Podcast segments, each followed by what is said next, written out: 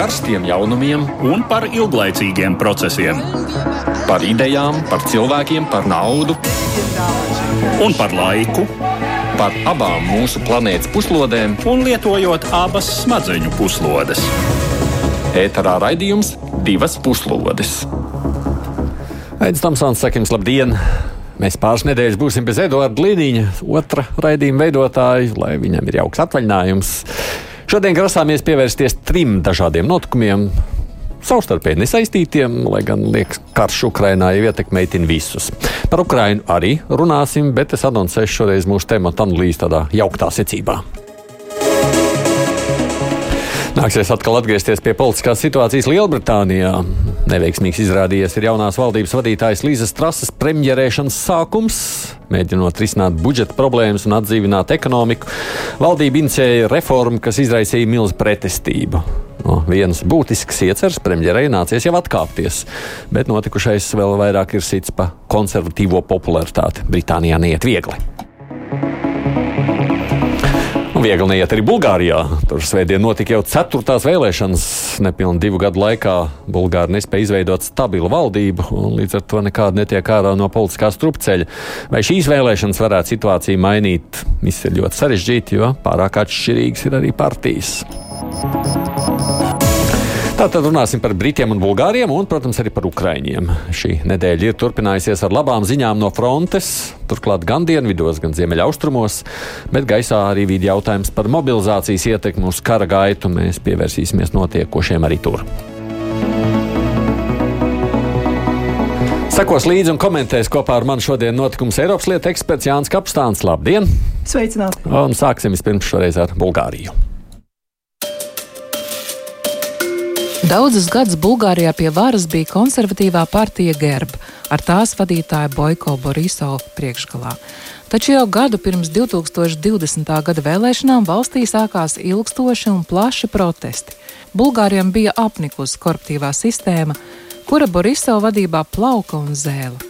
Atceramies, Bulgārija ilgstoši Eiropas Savienībā ir bijusi viena no visnabadzīgākajām un korumpētākajām valstīm. Daudzus mēnešus ilgušajos protestos dzima vairākas politiskās partijas, kas pirms diviem gadiem kārtējās vēlēšanās ieguva plašu vēlētāju atbalstu bet izrādījās, ka arī protestētāju vidū valda nepārvaramas domstarpības. Tajās bija daudz populisma un grūti realizējama ideja, un tās negribēja arī savstarpēji sadarboties. Nespējot vienoties par kopēju koalīciju, valstī nācās izsludināt vēl vienas ārkārtas vēlēšanas, bet arī tās nepalīdzēja izkļūt no politiskā strupceļa. Nepilni 20 mēnešu laikā Bulgārijā notikušas jau četras vēlēšanas, un pamazām savu atbalstu atkal audzē bijusī varas partija Gerba. Šajās vēlēšanās tā atguva jau 25% vēlētāju atbalstu, kļūstot par reālāko spēku valdības veidošanā. Gerba arī iepriekš ir bijusi labi pārstāvēta ievēlētajos sasaukumos, taču galvenā problēma ir tā, ka neviena no opozīcijas partijām nav piekritusi sadarboties ar Gerbu un tās vadītāju. Ar šajā reizē ir iespēja izveidot koalīciju bez gerba. Pats Boiko Borisovs piedāvājis kompromisu. Viņš pats nepretendēs nedz uz premjera, nedz kāda cita ministra posteni. Borisovs vakar aicināja pārējās partijas uz sarunām aiz slēgtām durvīm, lai meklētu kompromisus. Kā izteicies bijušais premjerministrs šobrīd, kad Ukrainā notiek karš, ir jāspēj rast kādu risinājumu, un valsts virzībai esot jābūt skaidrai pret Putinu, bet ar skaidru atbalstu NATO un Eiropas Savienībai. Nav šaubu, ka valsts iedzīvotāji un arī partijas ir nogurušas no ilgstošā politiskā strupceļa, un to rāda arī vēlēšana aktivitāte. Pēdējās vēlēšanās piedalījās vien 38% iedzīvotāju. Ar Zoom platformu mums pievienojas arī kolēģi no Latvijas televīzijas, kas darbojas Eiropā. Sveiki, Ilze! Sveiki, kolēģi! Redzu, tu esi aktīvi sekojis līdz notikumiem vēlēšanām Bulgārijā. Kā tad izskatās pēc tam pēdējām ziņām? Izdosies beidzot Bulgāriem tikt vaļā no šīs strupceļa? Grūti ir pateikt, jo es zinu, ka daži mani kolēģi, kas eh, nav no Bulgārijas, eh, Bulgārijas valsti, jau ir ieplānojuši savā kalendārā, ka varbūt būs eh, arī jāgatavojas piektajām vēlēšanām pēdējo divu gadu laikā, kas varētu būt februārī. Tā kā daudz ir skeptiski, bet ir skaidrs, ka arī cilvēki, protams, ir noguruši no Bulgārijā no šīs politiskās nestabilitātes. Viņiem jau šīs jau bija ceturtās vēlēšanas. ļoti maz cilvēku atnāca uz vēlēšanām, 38%, kas iepriekšējās vēlēšanās bija 40%. Mēs redzam, ka ar iedzīvotāju tāds apnikums un, un nogurums no tā, ka politiskā elite nespēja atrisināt savas domstarpības. Bet ir arī saprotams, kāpēc opozīcijas partijas nevēlas iet kopā vienā koalīcijā ar partiju, ko vada Boiko Borisovs. Ja, ja viņš izpildīs šo savu solījumu, ka pats nepiedalīsies koalīcijas veidošanā, varbūt tas varētu būt risinājums. Kāpēc tā situācija Jānis tāda ir izveidojusies? Jā, sāksim ar to, ka Bulgārija varētu teikt, ka ir visnabadzīgākā un ekonomiski visvājāk attīstītākā valsts Eiropas Savienībā. Un, lai gan Latvijā ļoti daudz tie, kas ir mūžīgie pesimisti, skandē, ka Latvija ir pēdējā vietā, piedodiet, bet kopš 2007. 2007. gada, kad iestājās Rumānija un Bulgārija Eiropas Savienībā, tad Latvija nevienu brīdi nav dalījusi šo pēdējo vietu Eiropas Savienībā. Ir vairākas valsts vēl zem mums, un tā tad ekonomiskā situācija ir daudz zemāka. Uh, tagad inflācija tojās 20%. Milzīgi, tā tad kaut kas ļoti, ļoti pazīstams mums visiem, vai ne? Un vienlaikus uh, dzīves līmenis, algas jau nav, un plus vēl e politiskā nestabilitāte. Jo iepriekšējā, nu, ne, teiksim, tā valdība, kas tikko beigs darbu, ne, bet pirms tam tātad Boiko Boriso vadītā valdība, viņš ir vismaz trīs valdības vadījis, un viņš ir ļoti pazīstams. Nu, diemžēl saistībā ar korupciju, ko daudz negrib. Nu, tad ir kā būtu alternatīvā valdība, tagad pēdējā Kirila Pet Petko vadītā valdība. Jā, viņš ir uz reformām, bet viņam ir arī ļoti daudz visādi populistisku solījumu, ko arī nespēja. Un te mēs nonākam pie šīs politiskās sadrumstalotības, Eh, politisko, lielāko politisko partiju līderi nespēja vienoties. Ne? Viņiem ir pārāk grūti vienoties, bet neviena partija vienatnē nespēja izveidot valdību. Un skaidrs ir, ka, lai būtu ilglaicīga valdība, nu, tomēr vairākām partijām jāspēj vienoties. Un tagad, kad ir lieli jautājumi, vai Barisova vadītā partija veidos nākamo valdību, nu, tad ar ko viņš varētu veidot? Un te mēs redzam, ka viens variants ir ar turku mazākumtautību, partija kustība par tiesībām, brīvībām, bet, uh, lai klausītājiem būtu vieglāk saprast, Bulgāriem ar turkiem vēsturiski ir ļoti slikts attiecības. Mm. Un vēl viens variants ir prokrieviska atzimšana, 10,2% ieguvusi. Un, bet viņš jau teica, ka viņam tas. Jā. Pretputinisms ir svarīgs. To teica Borisovs, bet viņam kaut kā ir jāsavāc partneri, vai ne? Nu, te jau mēs arī varētu atrast arī visādas paralēlas ar Latvijas politiku, kur arī pēc 24. februāra tomēr ir pamainījušies uzstādījumi. Un vēl varbūt tāda atšķirība atkal no Latvijas ir, ka vēsturiski Bulgārijā tomēr ir bijusi diezgan liela Krievijas ietekme. 19. gadsimtā viņi ir daudz karojuši par turkiem, un Krievija ir bijusi tāds dabīgs sabiedrotais. Un arī šodien pat daudzi vadoši politiķi joprojām apstrīd vajadzību pēc Bulgārijas esošās dalības Eiropas Savienībā un NATO un domā, ka it kā ar Krieviju vajadzētu. Lai gan pēdējā valdība jūnijā vesels 70 Krievijas diplomāts izraidīja. Nu, tā kā Bulgāriem iet, es teiktu, ka grūtāk nekā Latvijā. Nekā Latvijā. Bet kas ir tie, kā tu teiktu, Ilis, kas tie domstarpību lielie iemesli tur ir? Viens, protams, ir, ir Boiko Borisova toksiskā reputācija. Viņš tiek uzskatīts lielā sabiedrības daļā kā, kā, kā korumpants. Viņa, valdība, viņa valdībai tas tiek pārmests.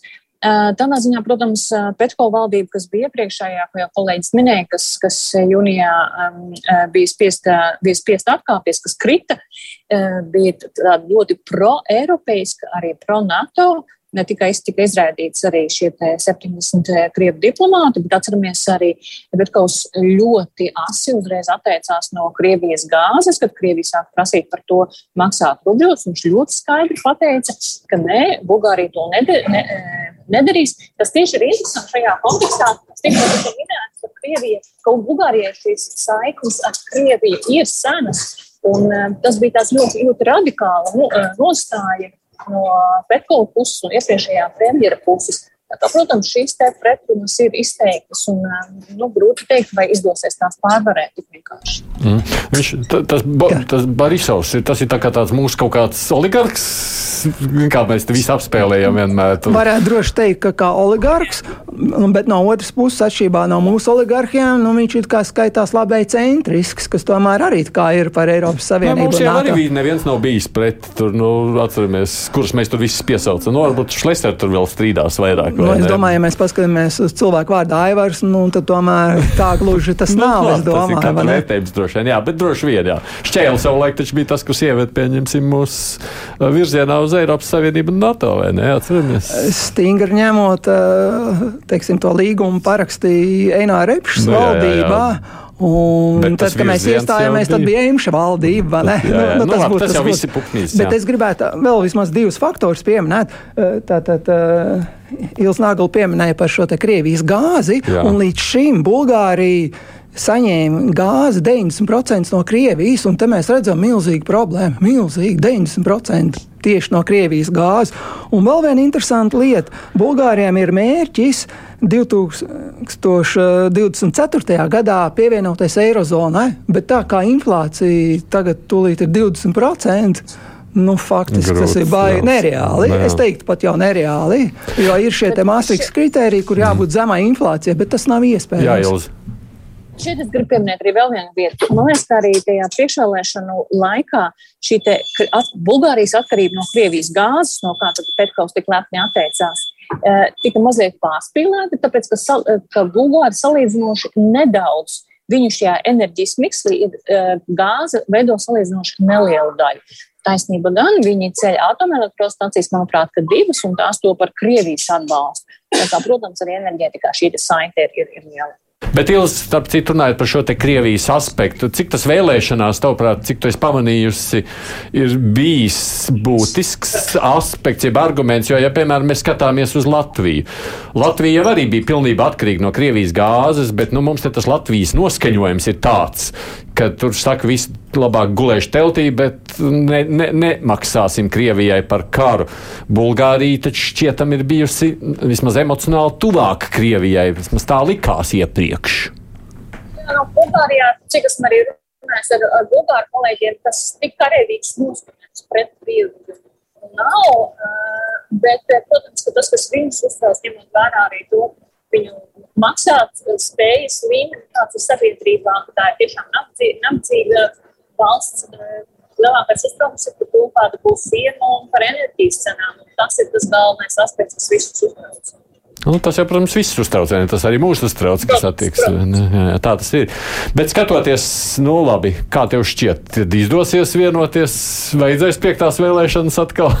Jā, nu, vai Pašlaik mēs, protams, nevaram pateikt, vai izdosies vai nē, jo gal galā vēlēšanas tikai salīdzinoši nesen ir notikušas un vēl kaut kādam laikam jāpaiet, lai valdību izveidot, un kaut kāda valdība jau ātrāk vai vēlāk varētu būt. Bet jautājums ir, cik ilglaicīgi, un to es domāju, šodien neviens nevar atbildēt bet nu, tas ir neiespējamā misija pateikt, un to Zikā, laiks rādīs. Man tā klausās, skatoties uz tādiem bulgāriem, liekas, bet nu, viņam vajag konstitūciju mainīt, ja viņi tur nevar vienoties visu laiku kaut kā citādāk izdomāt, lai nu, nav faktiski, visu laiku jāvēl. Faktiski Izrēlā jau ļoti līdzīgi, arī Vai četras ne? vēlēšanas ir norisināts.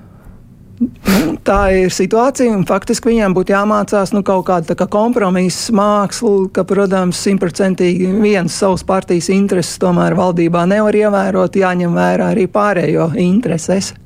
Ilzē, redziet, nu, labi, viena lieta ir, ka nu, visi nostājas pret vienu Borisovu, kas varētu arī būt mums Latvijā būt saprotams. Nu, tev šķiet, visu laiku bijis pie varas, izveidojis vienu koruptīvu sistēmu, mums viņš nepatīk.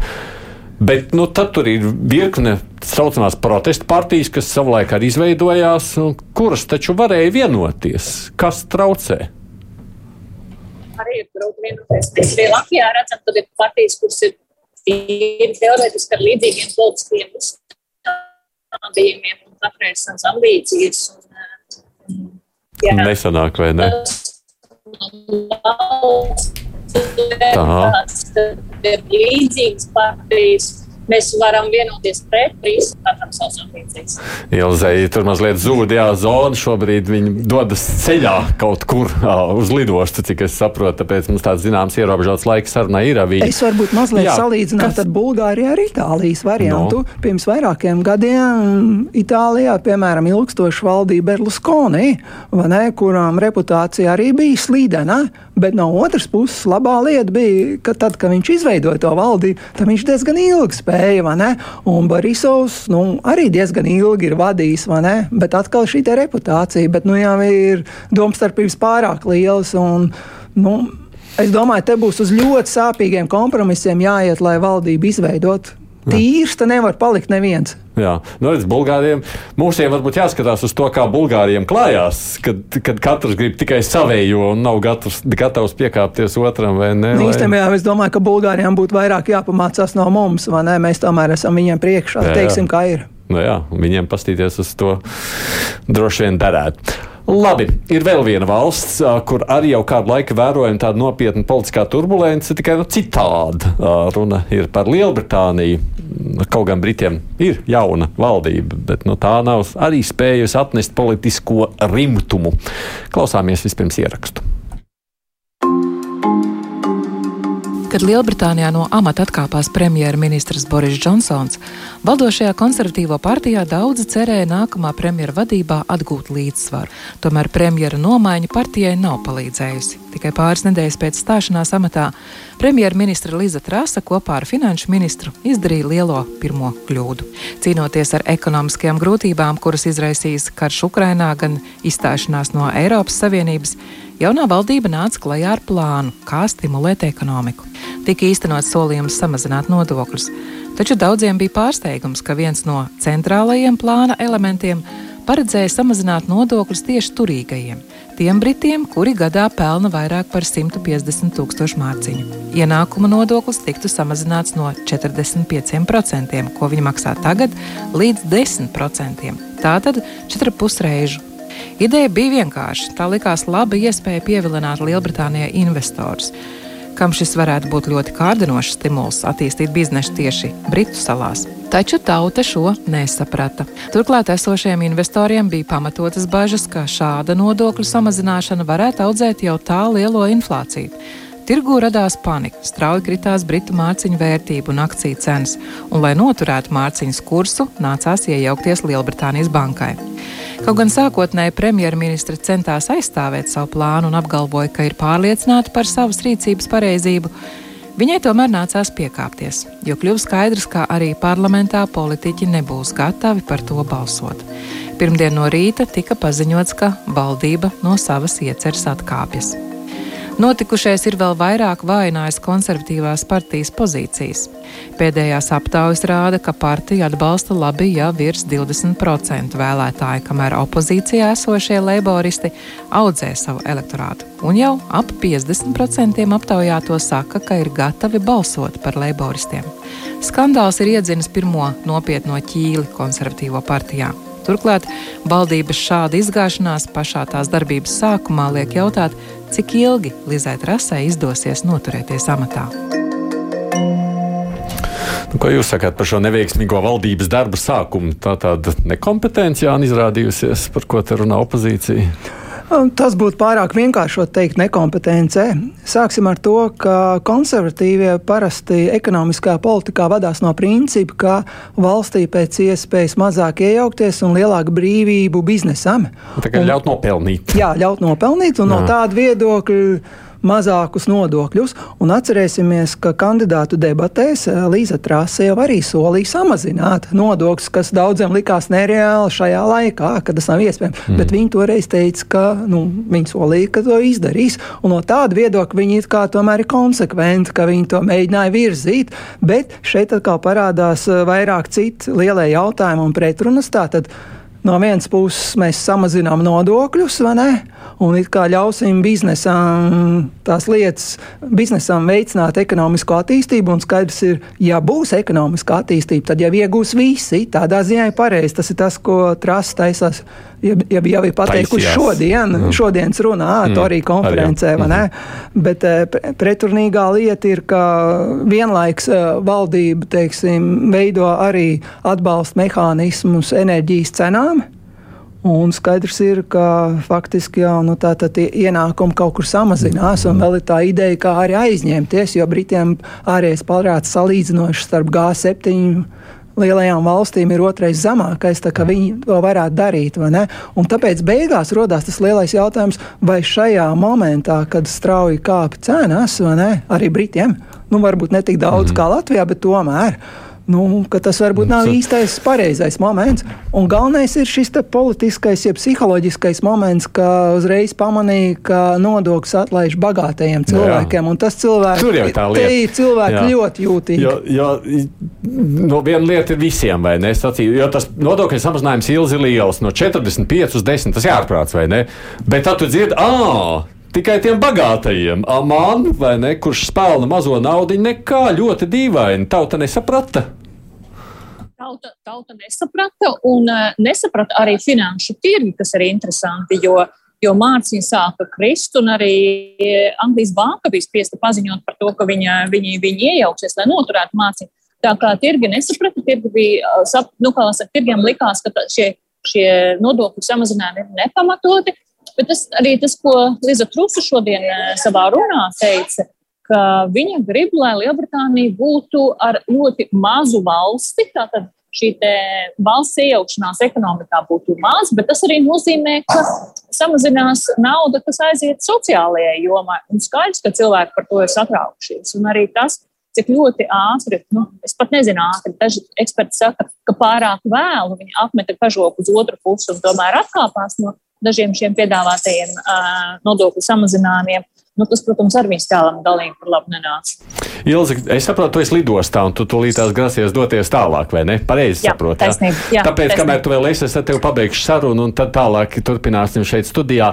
Vai tad, tavuprāt, tas bija politiska neveiksme, tas, ko ir darījusi šobrīd premjera?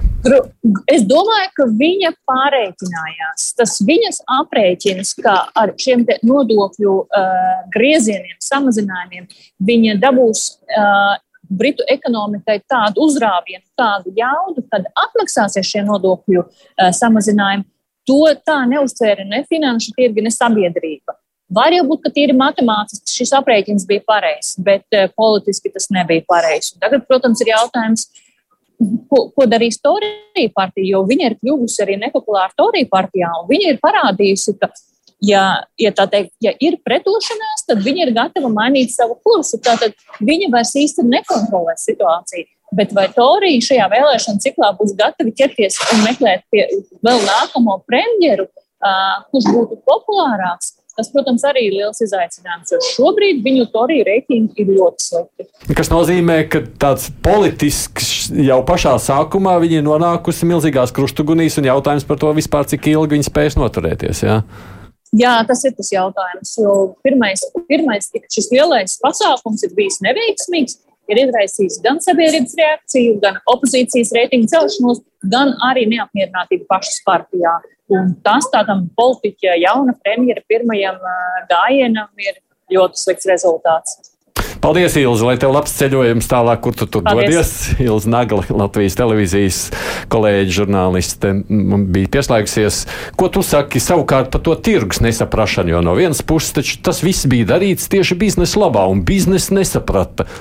Jā, te ir tiešām tas paradoks, ka biznesa nesaprata un gan. mm, Finanšu tirgi rādīja neapmierinātību, gan uh, mārciņas kurs strauji kritās. Akciju tirgus, es saprotu, akciju cenas kritās, Tā kā jā. šeit tiešām ir tā problēma. Un, Bet kāpēc tā? Jo no, no, jo no idejas, pieksim tā, ja mums tā kāds sacītu, mēs samazinām tagad visiem iedzīvot, nu, labi, visiem ne, bet, nu, jā, visiem vai.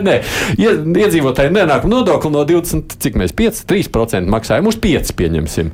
Mēs taču būtu, o, tāpēc, ka lielie rēķini vēl ir tikai priekšā, lai gan, protams, Lielbritānijā ziemas nu, nav tik augstas kā Latvijā. Nu, Lielbritānijā ir maigāks klimats, no, bet tik un tā, tur, tur atkal ir tas mitrums, es savulaik atceros Londonā pie mīnus divu grādiem, man sala pamatīgi, nu, pirms gadiem?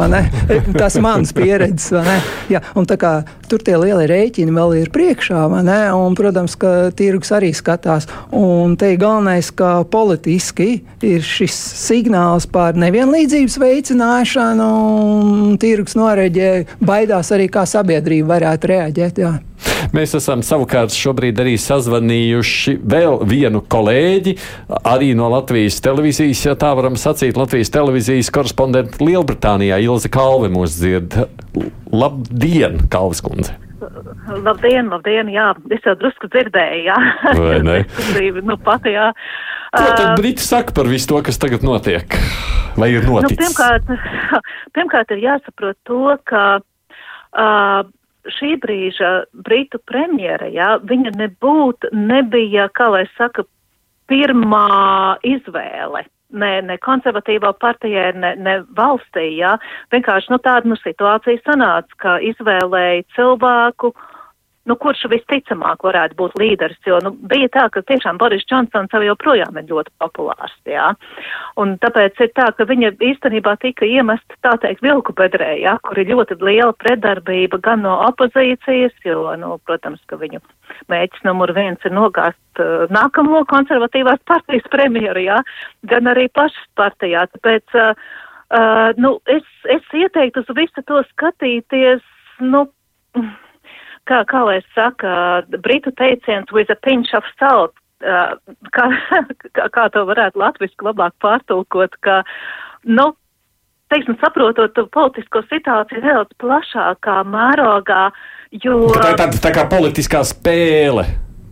Jā, jā, tas viss šobrīd notiek, jo arī opozīcija, opozīcija ir pārsvarā leiboristu partija, jā, Jā. kas uh, savukārt, nu, mēs zinām, kur valsts kādreiz ļoti cīnījās par darba ļaužu tiesībām, jā.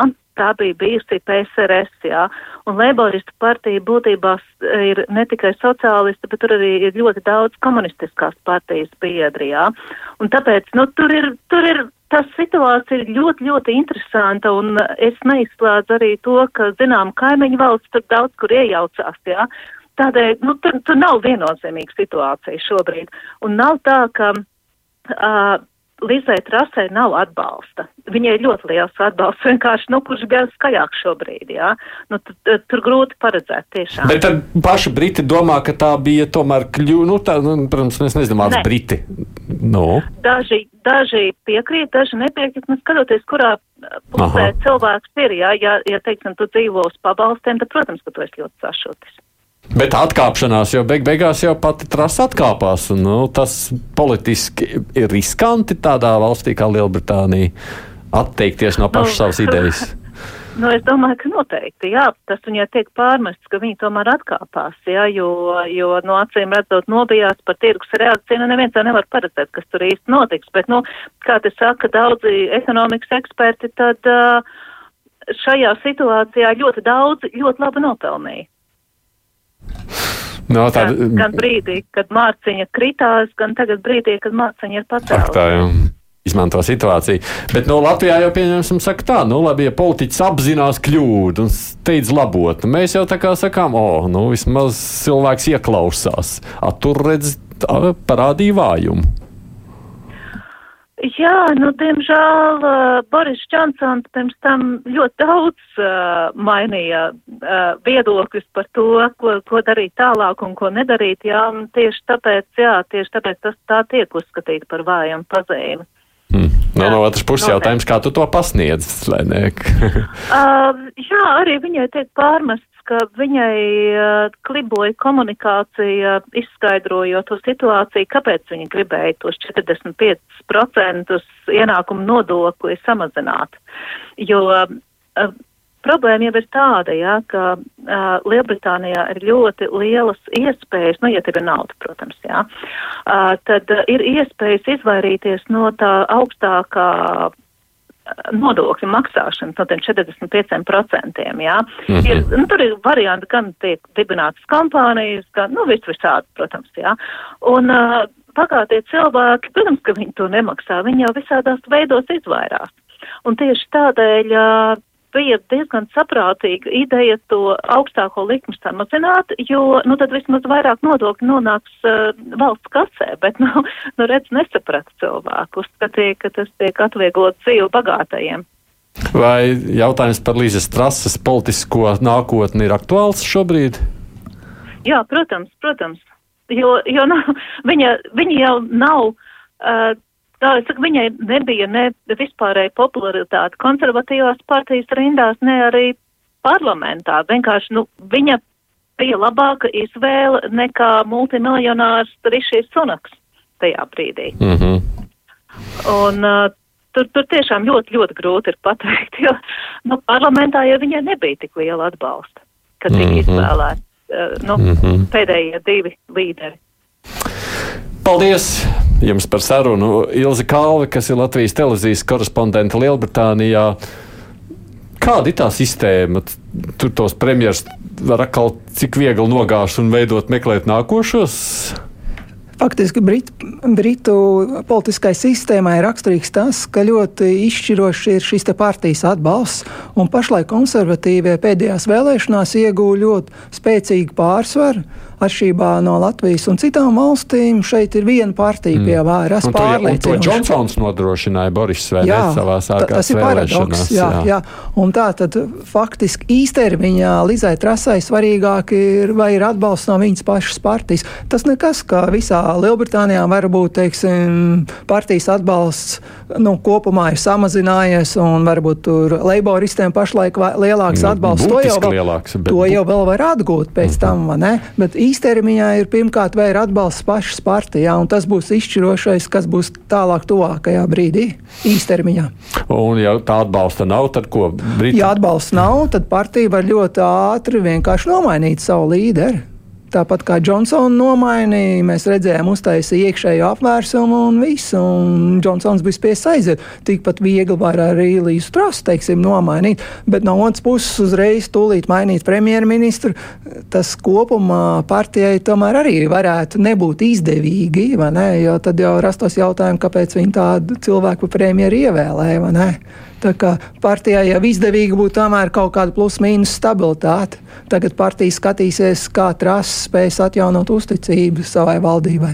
Tajā pašā laikā, protams, rēķinoties ar pēdējiem aptauju datiem, kur konservatīviem, saprot, sabiedrības atbalsts vien virs 20%, kamēr uh, lebu, uh, strādniekiem jau, strādniekiem, tad, tad kreisajiem Nu jā, jau ir bet, uh, pie vēlē, pāri pusē. vēlēšanās, vēlēšana laikā viņiem atbalsts, viņi savāc milzīgu pārsvaru, vai ne? Un, un tas nozīmē, ka uz vairākiem gadiem, nu tā tad kādiem pieciem gadiem, viņi tomēr diezgan ilgi partija var droši dzīvot tālāk. Tā kā partijai ir jāmeklē, grib vai negrib Jā. kaut ko lietas Es labā domāju, darīt, ka partija tagad var paskatīties, kā pašreizējā valdība ies tālāk. Un, ja, piemēram, vēl kaut kas tur neiet, tad jau būtu jā- jāsatraucās un jāmeklē alternatīvas. Pie pirmām grūtībām jau nu, tūlīt jau es nezinu, vai būtu partija jāgāž. Tik katastrofāls jau tās lietas varbūt arī nav. Pabeidzot tikai šo interesantu, man likās Kalvas kundzes sacītais, ka, un ja nu tur ir kaut kādas arī pēdas, un ļoti iespējams pēdas no Krievijas puses, kas, kuriem, protams, trasa nepatīk un kas mēģina visādi atbalstīt viņas neveiksmes, pastiprinot. Es tomēr domāju, ka Krievijas faktors nebūtu tik izšķirošs, jo faktiski konservatīvie diezgan. Nu, faktiski visi vadošie politiķi diezgan stingri ir par atbalstu Ukrainai.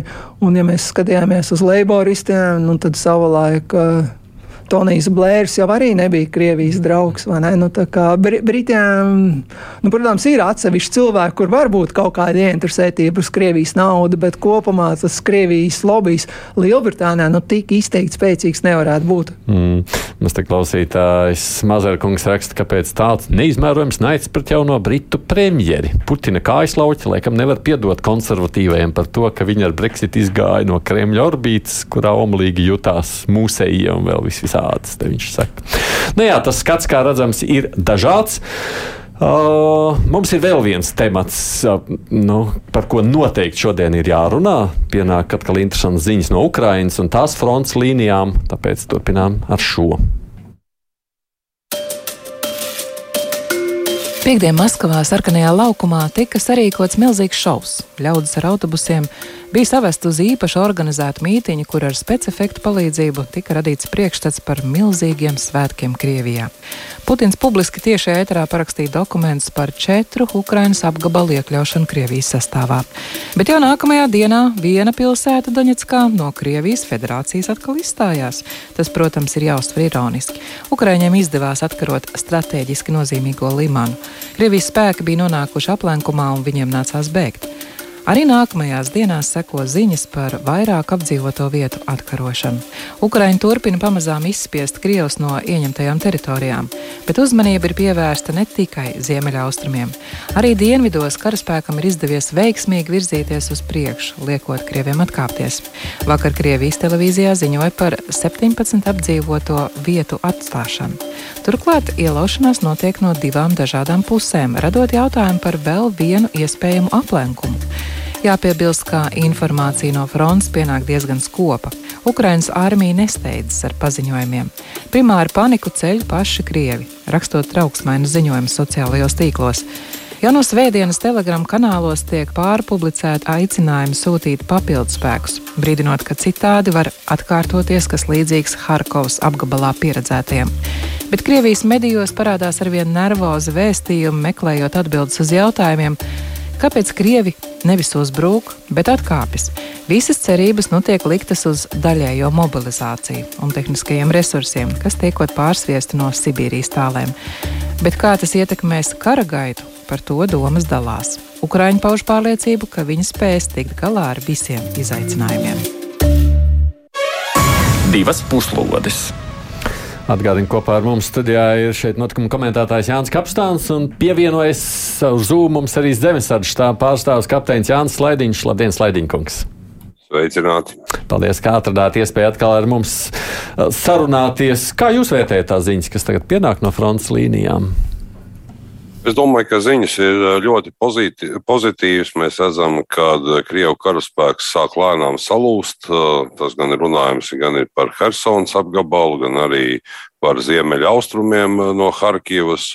Un Ukraiņu uzbrukums rit, rit uz priekšu. Redzam, ka Ukrāņi pielieto vecu, labo pārbaudīto taktiku. Viņi nesit ar pieri pilsētās iekšā, bet mēģina viņus aplenkt, tā veidojot šos aplenkumu maisus, un īsti Krievijas spēki neko nevar likt uh, pretī šāda veida.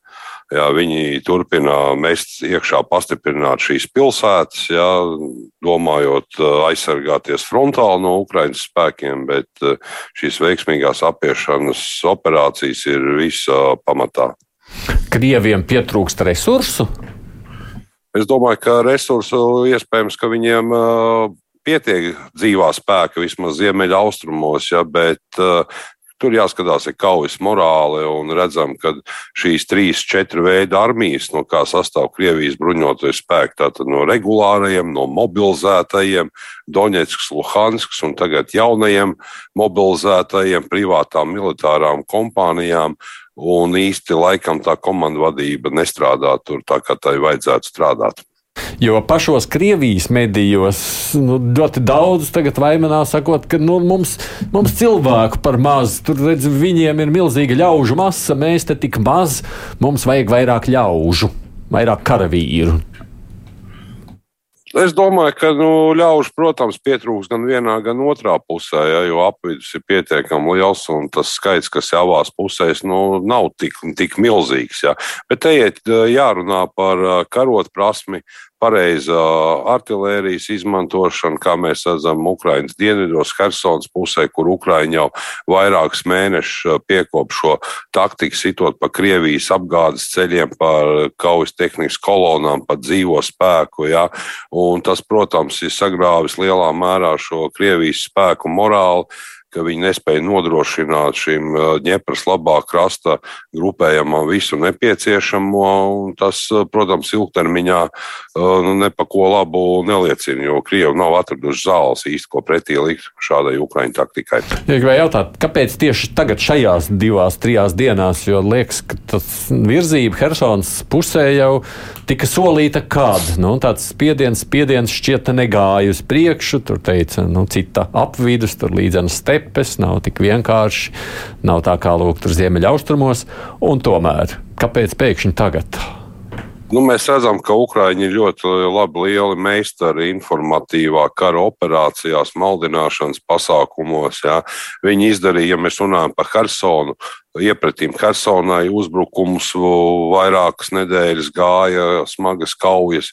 Viņi kā pietuvojās pilsētai, Krievijas spēki meta pieejamās rezerves visas uz Hersonu, bet tādā pašā brīdī viņi izdarīja veiksmīgu uh, triecienu ziemeļaustrumos, tātad no Helsonas, ja, kur šī Krievijas pretestība vairs nebija tik spēcīga, un viņiem vienkārši nācās kāpties apakaļ. Tā kā uh, ļoti liels nopelns ir noteikti šim viltus informācijām, jā, izlūkošanas datiem, kas uh, pienāk Ukraiņas rīcībā, un Krievi vienkārši daudz ko ir nogulējuši. Es skatījos, Jā, mazliet ar tevi runājot. Vakar Krievijas sūdzījās, nu, ka Ukraiņa tāda improvizatora un ar improvizatoriem esot ļoti grūti kaut ko izdarīt. ko tu saki par visu šo? Jā, nu, Pagaid, kara māksla jau vispār tā ir šaha spēle, jā, ja mēs tā ņemam, ja kur ir figūras un kā tu izspēlē šīs operācijas veids, tā tu, tas atkarīgs no kā to, to partiju uzvarēsi. Jā. Un, protams, Ukrāņi ļoti liela meistara. Mēs redzam, ka Krievi nav izkāpuši no tā sovietisma laukā. Viņi jau kar, karo joprojām bez nekādas improvizācijas, paļaujoties tikai uz savu šo uguns jaudu, kas viņiem bija artērijā, aviācijā. Ja. Tā Ukrāņi veiksmīgi manevrē ar vienībām, ja, moderni, kā saka, iesaistot šo spēkus, kur Krievija īsti nemāk jā, izdarīt. Es vēl neesmu par šiem septiņiem mēnešiem no Krievijas puses redzējis, nu, ja nerunājam pirmās uzbrukuma dienas, kad šīs vilnas vēlās uz priekšu, ka viņi būtu veikuši kādas manevru operācijas. Jā. Viņi monotona sita Ukrāņu aizsardzībai. Pierē, kā tas ir pie Doņetskas, kā tas ir pie Bahmutas. Ja. Vairāk mēnešu laikā viņi pavirzījušies uz priekšu dažus kvadrātkilometrus. Vienu apdzīvoto vietu viņiem vajadzēja ieņemt pusotru mēnesi. Ja. Nu, tas arī liecina par to, ka šī eh, karot prasme, varbūt komandieru spējas nav līmenī. Mm. Mums ir šeit divi jāņa, lai es nesajustu, nesajauktu otram Jānim. Ko jūs sakāt par šo visu? Es gribētu teikt, tādās lielās līnijās, ja mēs paskatāmies, tad Ukraiņa tāpat kā Krievi ir slāva, un tas nozīmē, ja viņiem ir jācīnās par savu zemi aizstāvoties, tad viņi cīnīsies ļoti nikni, un tātad Ukraiņa cīnās par savu zemi, bet Krievi jau necīnās par savu zemi, ne, un te jau tā motivācijas vairs nav. Un vēl viens svarīgs uh, aspekts ir, ka būtībā, ja Ukraiņa zaudētu karu, tad ļoti daudziem draud fiziski iznīcināšana. Irpiņa, Buča un citas vietas, Mariupola parāda, kas notika, ļoti daudz cilvēku iedzīvotājs slakta. Un es domāju, tas Ukraiņiem ļoti daudziem ir skaidrs, un tāpēc viņiem tā ir. Jebkurā gadījumā. Nav, jebkurā gadījumā atkāpties nav kur, vai otrā pasaules karā bija padomu pusē tāds propagandas teiciens aiz mums Maskava, vai ne? -hmm. Un šeit arī Ukraiņiem nav kur atkāpties, viņi cīnīsies. Un, lai arī daudz miljoni ir emigrējuši, tik un tā Ukraiņa tomēr ir skaitliski liela nācija un stingri ņemot jau cilvēku viņiem ir. Un pakāpeniski jau cilvēks arvien vairāk arī rietumu palīdz apmācīt. Lai gan tu atceries, tad, kad karš sākās, tieši tie milzīgie apjomi bija tie, kas likās, nu, nu kas ir viena Ukraina pret nenormālu lielo Krieviju? Protams, Ukraina ir mazāk nekā Krievija, bet tik un tā cilvēki jau īstenībā viņiem tomēr ir diezgan daudz, lai arī, protams, arī Ukraiņa daudz zaudē. Ne? Un neviena valsts jau pirmajā dienā aizstāvoties nevar uzreiz visus sektorus nosargāt. Tas praktiski nav iespējams. Tad jau jābūt visām pozīcijām iepriekš jau pilnībā jābūt gatavām, bet tas mm. nav iespējams. Mm. Tas, ko cēlās Laidiņa kungs, šobrīd Krievi ļoti, ļoti, nu, kad tagad mobilizētie tūlīt tiks apmācīti, jau tūlīt pirmos sūtām uz fronti, nu, būs papildus spēki, būs šī masa, izdosies mums. Ja nu redzam, ka to mobilizāciju tas nav tik vienkārši, jo es ļoti skatos līdzi, kā Krievijā notiek šī mobilizācija, arī skatos tos pieejamos video materiālus, kas ir viņu uh, publicētie. Uh, nu, tur nav šādu karaspēku, kas tiek formēts, ja viņam morāli nav nekāda. Ja. Un tas neatrisinās šo situāciju, situāciju frontē nu viennozīmīgi. Ja. Uh, ar masu nevar paņemt, jo tas, ko man liekas, nu, mēs tā kā nojaušam, tur ir tas centiens paņemt ar masu. Nu. Jā, bet šī karā mēs redzam, ka kvantitāte, kvalitātei daudz lielāks nozīmes nekā kvantitātei. Jā.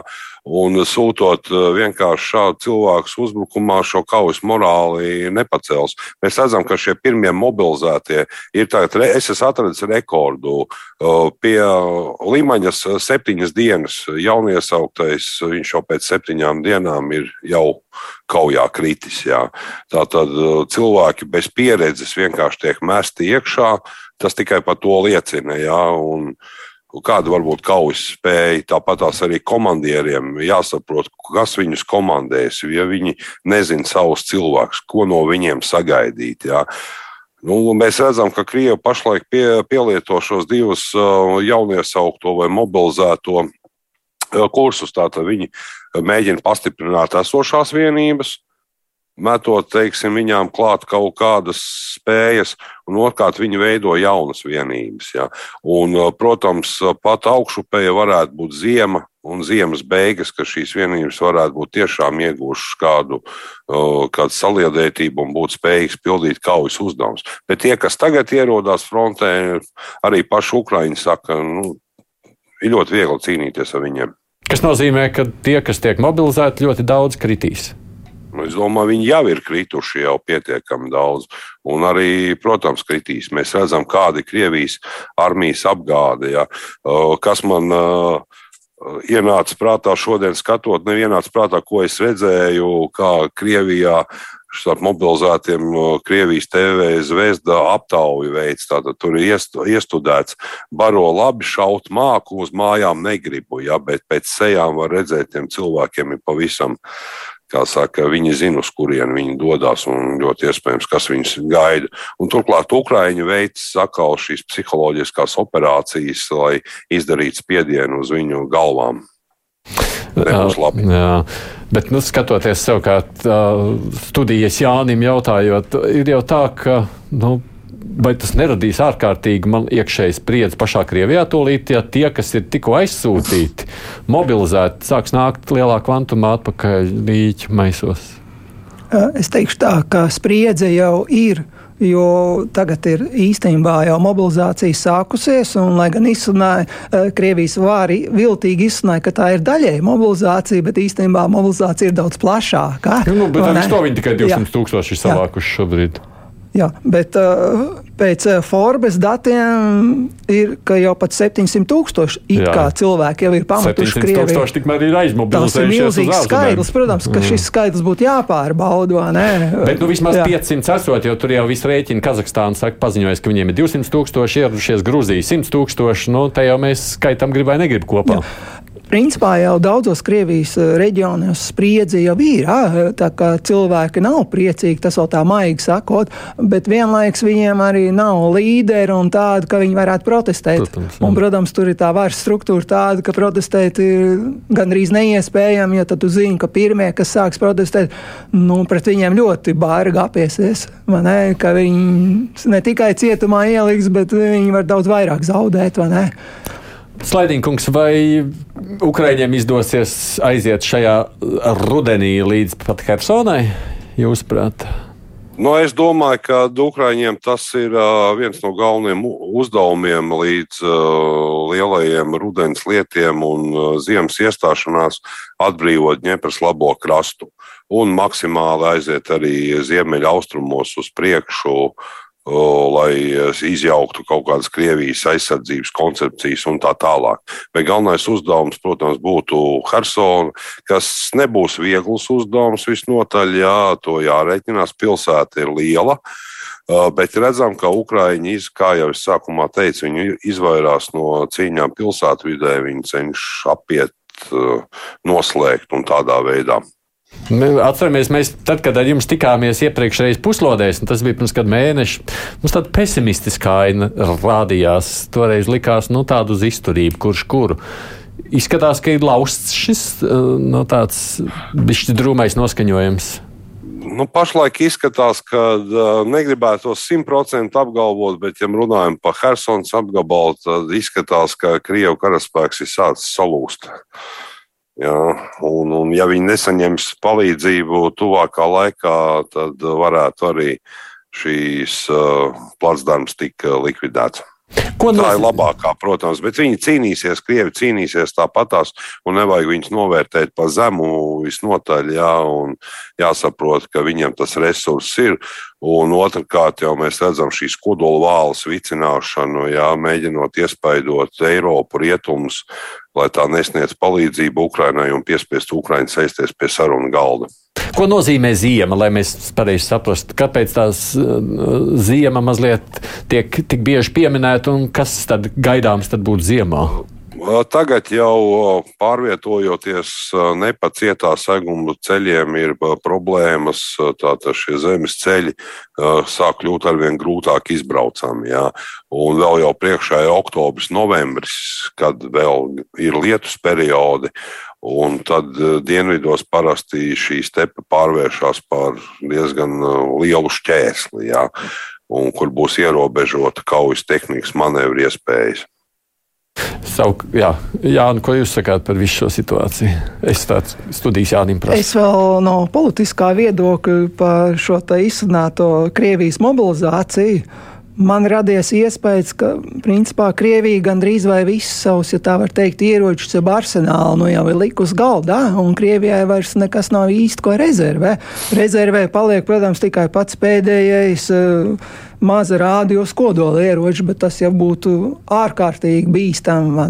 Bet pašlaik principā izskatās, ka Krievija gandrīz jau viss kārts ir likt uz galda, un pēc tam jau vairāk nav ko likt. Un šeit ir tā bīstamība, un vienlaiks varbūt arī zināms tomēr Krievijas vājums, ja tā ir ierobežota militāra, jeb speciāla operācija, un tagad jau aizgājuši uz mobilizāciju. Un vēl mēs varam tomēr ļoti arī apsmaidīt, ja tā teikt, tā saucamos referendumus, jo Krievijas armija jau nekontrolē visus šos reģionus, nu, izņemot Luhansku, praktiski pa 99% pārējos reģionos jau daļu no šiem reģioniem, apgabaliem kontrolē Ukraina, un tur jau tad referendums nenotika. Un, Un neviens jau nav publiskojis, cik vispār piedalījās ne, no vēlētājiem, kas vispār būtu pirms kara tur dzīvojuši. Tas viss ir nu, pilnīgs blēps. Un arī Kremļa teiksim, preses pārstāvs Peskovs, pat viņš vienu brīdi jau pamainīja tās robežas, kur ir šīs te jaunās uh, teritorijas, vai ne, kad Krievi atkāpšies.